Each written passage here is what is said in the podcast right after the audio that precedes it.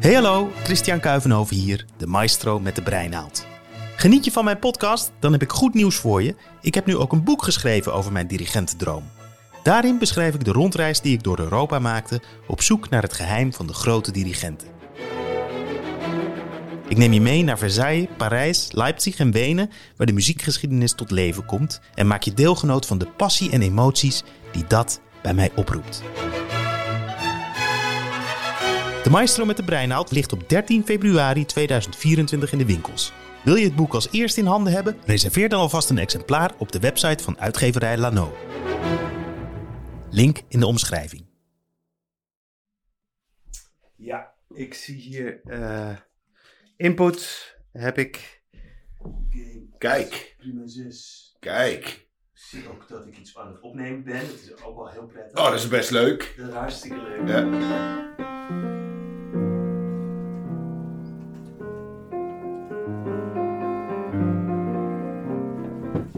Oh ja, hier is mijn stok. Wat heb je voor stok? Twee. Ik heb deze Chopin. Wauw. Is dat hout? Ja, Ja, oh, oké. Een lange. hele lang is dat. Weet je dat ik de, de dirigeerstok van Maan in mijn handen heb? Zeer veel gebruikte dirigeerstok van Maan in handen gehad. Ja, oh, mijn partituur. Ja, de partituur. Een partituur in ehm, Oh, slechte uitgave. oh, jee. Ja, dit was de enige die ze hadden. Ja, ja. Eh, ik heb ook allemaal pot... Ik neem ook wel meteen een potlood mee, hè. Ja, dat is een goed, goed plan. De kleurpotlood heb ik zelfs bij me. Potlood en een gum.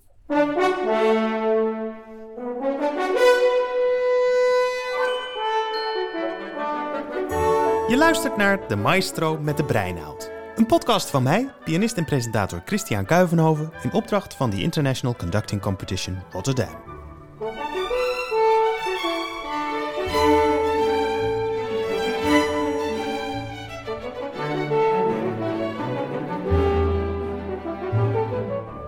Het grootste moment. Ja, even een slokje hoor. Ja. Met iedere kop koffie wordt het tempo ietsje hoger. Dus zet dat ding maar gewoon weg. joh. Ja, hoppa. Heel goed. Ja. Zo. Nou. Geef da. mij nu helemaal over. Zo, dus jij wilt leren dirigeren, jongen.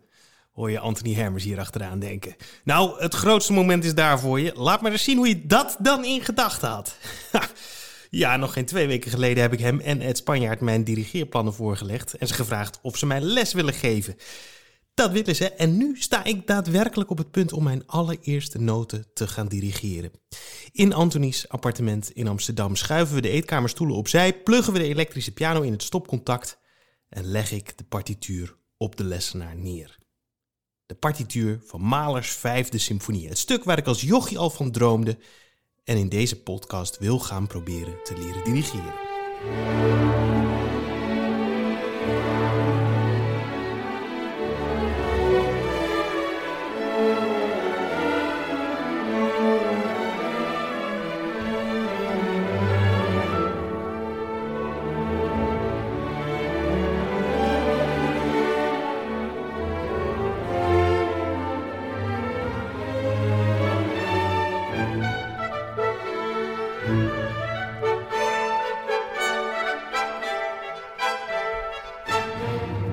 Nog gauw een slok koffie om de zenuwen wat te bedwingen. Hoewel ik niet zozeer nerveus ben als dat ik vlinders in mijn buik voel of knikkende knieën heb. Maar ik voel me vooral totaal onzeker. Onzeker op een manier die ik eigenlijk ook niet goed ken. Ik had namelijk verwacht dat Ed en Anthony mij eerst een aantal basisoefeningen zouden geven. Of dat ik een boek moest kopen of zo over slagtechniek, hoe je de maat slaat. En nou ja, gewoon hoe ik überhaupt de technische basisvaardigheden van een dirigent onder de knie krijg. Het lijkt me namelijk nogal essentieel dat je eerst moet weten wat je motorisch moet doen. En dat zal ook echt wel blijken, maar de passie voor deze muziek zelf, de schoonheid ervan en het genie van Gustav Mahler, ja, daar moeten we het toch eerst even over hebben hoor. Het is zo'n gaaf stuk. Het is echt. ehm, ik, iedere keer weer als je ermee bezig bent, denk je van Jezus, Mina.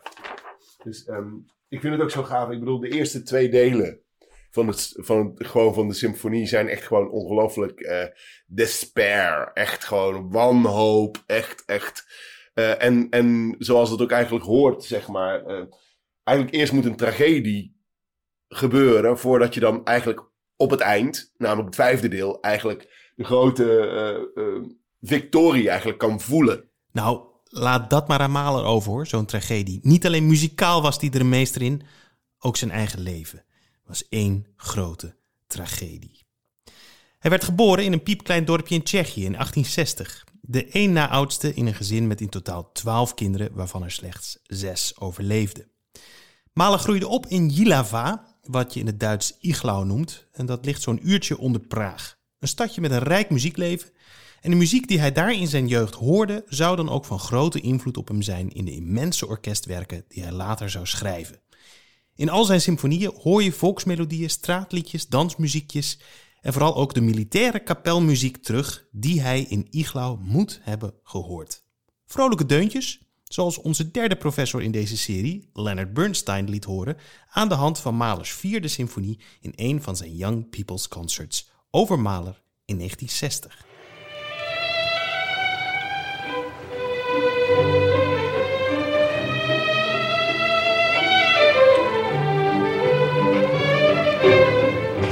And you remember this other gay tune, which is uh, full of high spirits, like when you whistle, when you feel on top of the world?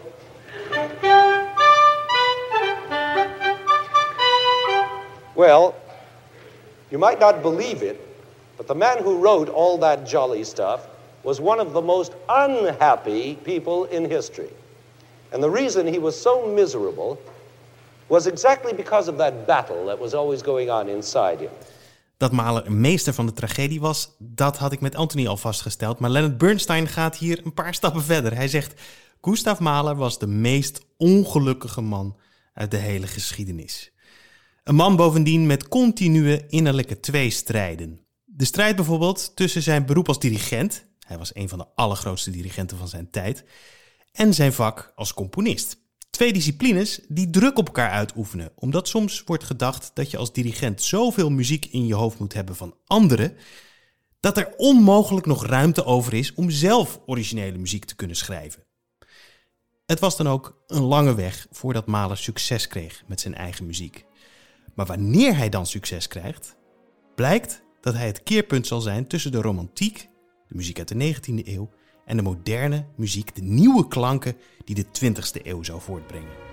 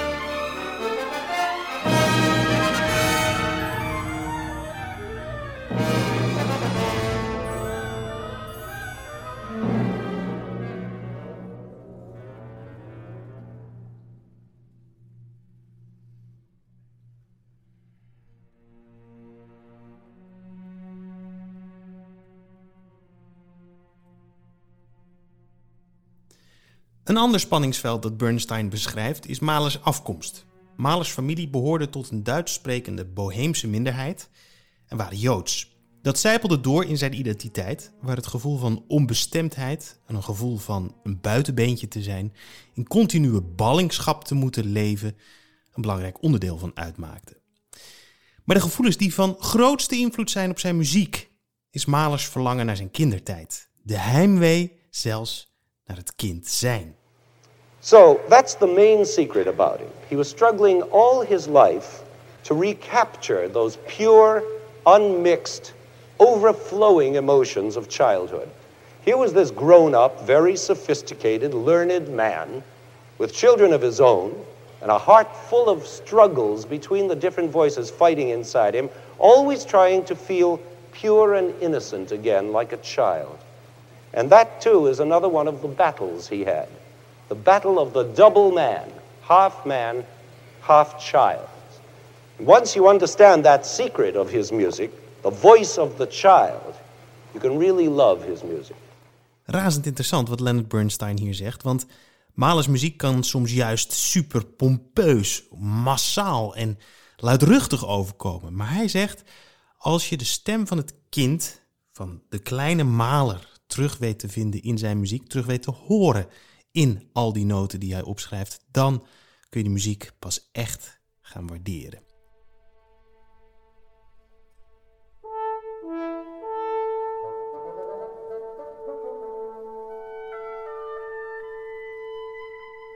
Als Mahler namelijk blij is, is hij extreem blij. Als hij verdrietig is, is hij onvoorstelbaar, hartverscheurend verdrietig.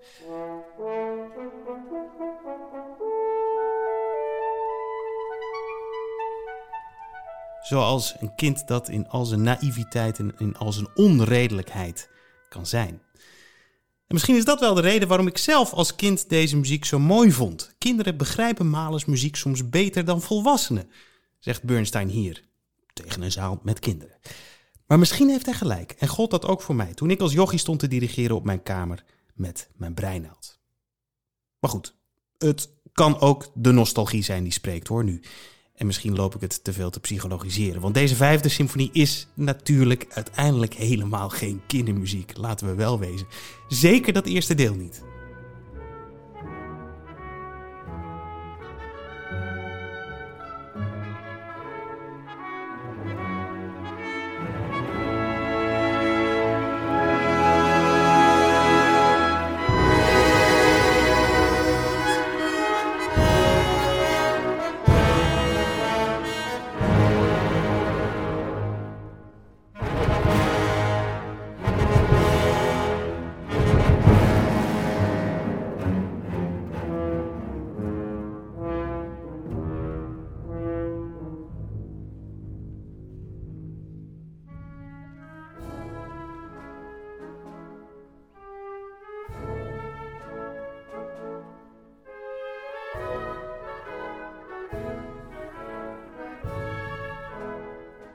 Is een treurmars.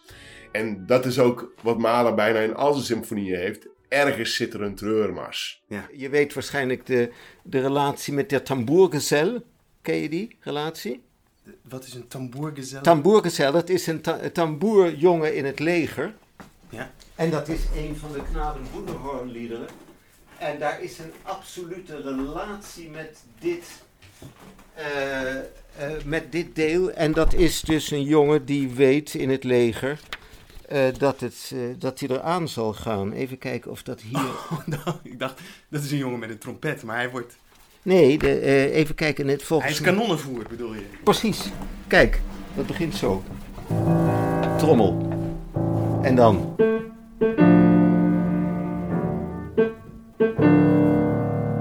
Ich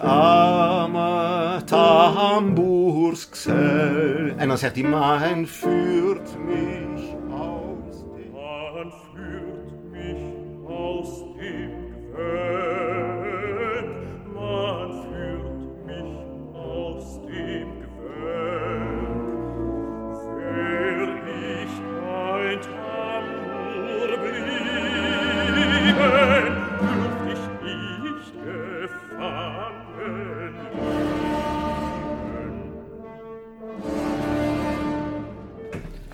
Die, heel, heel verwant. En je hoort hier ook steeds die... eh, de, de, die, die, dat, mars, dat marsachtige, De processie. de processie. Het heeft ook iets heel... eh, het heeft iets militairs. Het heeft iets militairs. Het is, een, het is een strakke opening en je voelt vanuit de verte iets aankomen hier. Je voelt vanuit de verte iets Wat aankomen. onvermijdelijk is. Dat klopt. Want daar staat dan zo mooi eronder geschreven in de partituur. Die Auftakttriolen dieses Themas müssen stets etwas flüchtig, quasi accelerando, nach Art der Militärfanfaren vorgetragen werden. Gustav Mahler. Heb jij dat ook staan in je partituur? Nee, Hoe? Nee, bij mij staat er boven wel, dat zal bij jou ook zijn, in gemessenem Schritt, Ja. streng wie ein Conduct. Ja, en wat is een conduct? Ja, er staat een hele woordenlijst gelukkig voor in mijn partituur. Staat dat er ook bij? Eh, want mijn Duits is eigenlijk helemaal niet goed. Dat helpt niet hè, bij dit soort eh, componisten. Nou ja, als dirigent moet je voorbereid zijn op de, op de snuggere vraag uit het orkest. Eh maestro, wat is een conduct? Ja, ja, ja. ja. En dat is een beetje vervelend als je zegt van... "Eh, ja, dan moet ik nog even nakijken in mijn woordenboek, zeg maar. ja, nee, het is niet... Eh, cortège staat er, cortege. En wat is dat? Ja, dat is een cortège. Nee, een ik zal je helpen, dat is Ja. geen probleem. Een conduct is eigenlijk een, een, een funeral procession. Ja, Dus ja, ja. Gewoon een, een, een, een, een doodsprocessie Ja. eigenlijk. Dus, Een dus- cort- oh, cortège. Ja, nu weet ja, ik het. cortège. prachtig Dus, woord eh, voor het, ja. ja. Oh, oh, oh, oh. Ik had toch beter moeten opletten op school, hè? Maar nu zal ik het nooit meer vergeten. Wie ein conduct als een processie. Staat op bladzijde 1 van de partituur, bovenaan de 21 notenbalken waarin de verschillende partijen zijn opgeschreven. En het zijn bladzijden waar ik de afgelopen twee weken uren naar heb zitten turen om het te proberen voor te bereiden op mijn eerste lessen met Anthony en Ed. En niet alleen turen, ik heb ze ook weer in mijn kamer staan zwaaien. Dit keer niet met een breinaald, maar met een echt dirigeerstokje. Af en toe meedirigerend met een opname van het Symfonieorkest van Düsseldorf onder leiding van Adam Fischer. En fragmenten uit die opname zul je telkens in deze podcast horen wanneer ik pogingen doe te dirigeren. Wanneer ik me door het stuk probeer heen te worstelen. Want dat is het. Een enorme worsteling als je voor het eerst gaat dirigeren. Voor het eerst met de billen bloot gaat. Ik zou gewoon zeggen, Christian, we gaan beginnen. Oké. Zo. Eh, en, en doe ik alsof ik voor een orkest sta, dus kijk ik Ja. naar, de, naar de trompet? Of Ja, kijk, ik eh, zou nou, gewoon zo- net doen alsof je een orkest voor je neus hebt. En, en, dan, en gewoon beginnen. oké. Ik, ik probeer een beetje mee te spelen.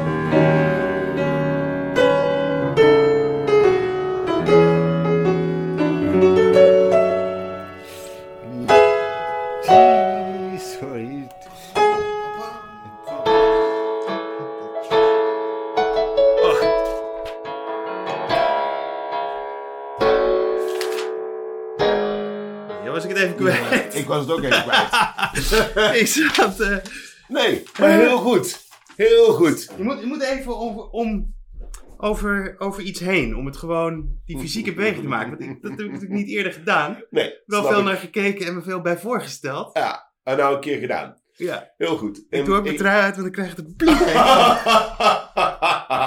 Heel goed.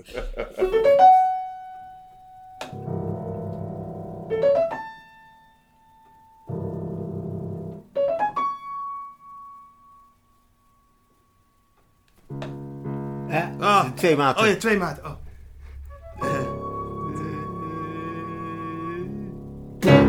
Wauw, nou, dapper. Ja, het, het, tot zeven zeg maar heb ik echt goed wel geoefend. Ja, En dan als die wilde dans komt daarna, eh, ja, nou ja, goed. loop ik erachteraan. Dan hebben we ook al zoveel gehad.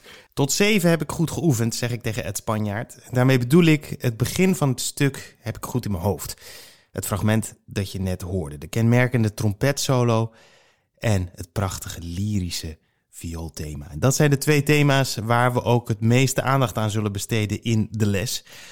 Maar het is gebeurd, hè? Ik heb mijn eerste noten gedirigeerd. Het is zo'n fantastische ervaring. Het is ongelooflijk dat als je met je armen staat te zwaaien, dat een ander dan reageert. Want jij zelf maakt geen geluid, maar hebt alle invloed op hoe de ander speelt. Ga jij iets sneller? Gaat hij iets sneller? Ga je iets langzamer? Dan vertraagt de muziek. En raak je het overzicht kwijt? Ja, dan loopt alles in de soep. Ehm, kan, eh, kan een ensemble op je spelen? Ja, absoluut. Komen, komen jullie er doorheen? Ja. Al komt er een onrust in het ensemble. Maar dat is beter dan dat het sloom zou zijn. Het is absoluut niet sloom. Ehm, want dat zou ook een gevaar kunnen zijn van een betrekkelijk langzaam tempo. Dus dat is op zichzelf gunstig. Interessant vond ik, ehm, op een gegeven moment was ik een beetje aan het slepen in het tempo. En, maar je had zoiets van, nee, ik wil gewoon sneller. Ja, Voelde ik. ja nou ik dacht... eh, ja, ik hoorde dat je mij, niet met mij meeging. Dus ik Ja. dacht, ik probeer Ik ga gewoon door. gewoon... Ja, ga gewoon ik door. ga gewoon door en we zien wel wat er gebeurt. in je enthousiasme en je drive en ook je begrip van de muziek geef je impulsen, zoals je bijvoorbeeld steeds takatata. Vaak moet die tweede tel een enorme energieke kern hebben om die reactie van die triool te krijgen. En dat begrijp je donders goed. Dat, dat moet je ook niet veranderen. Maar er zit iets te veel het gevoel, ik moet ze aanjagen. Ik moet ze voortstuwen. En wat er dus vaak gebeurt, is dat de tweede slag, ook omdat we, ik, ik, ik herken dat heel goed, omdat het een uitnodigende opslag is, is die vaak iets te snel. Eén, takatata, takatata. Ik overdrijf nu. ja, Hè? Dus je verkort die tweede helft. Terwijl je dus eigenlijk 1, 2, 1, 2, 1. Er moet bij wijze van spreken een extra, bijna een extra rust. Zelfs de trombones. Jam, papam, pipoem, papam, papam. Dat mag een klein beetje overgepuncteerd worden. En dat maakt die wat sinistere, trieste sfeer alleen maar duidelijker.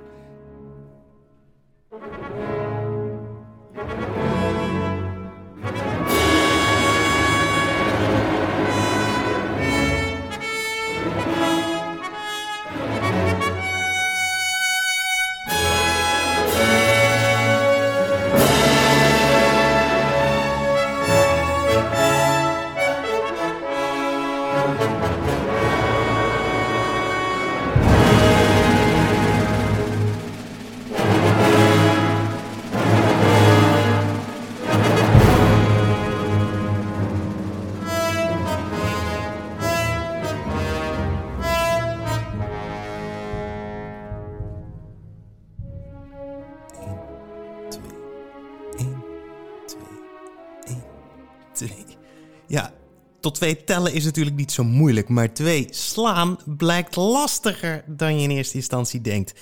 Maat houden, het in dit geval precies verdelen van twee tellen binnen een maat, in het tempo waarin het stuk gespeeld moet worden. Het verbaasde mij al dat dat niet direct het huiswerk was wat ik had opgekregen. Want ik loop er in deze eerste les direct tegenaan dat het een van de basisvaardigheden van het dirigeren is. De basistechniek die niet zo makkelijk onder de knie te krijgen is en een hoop oefening vergt.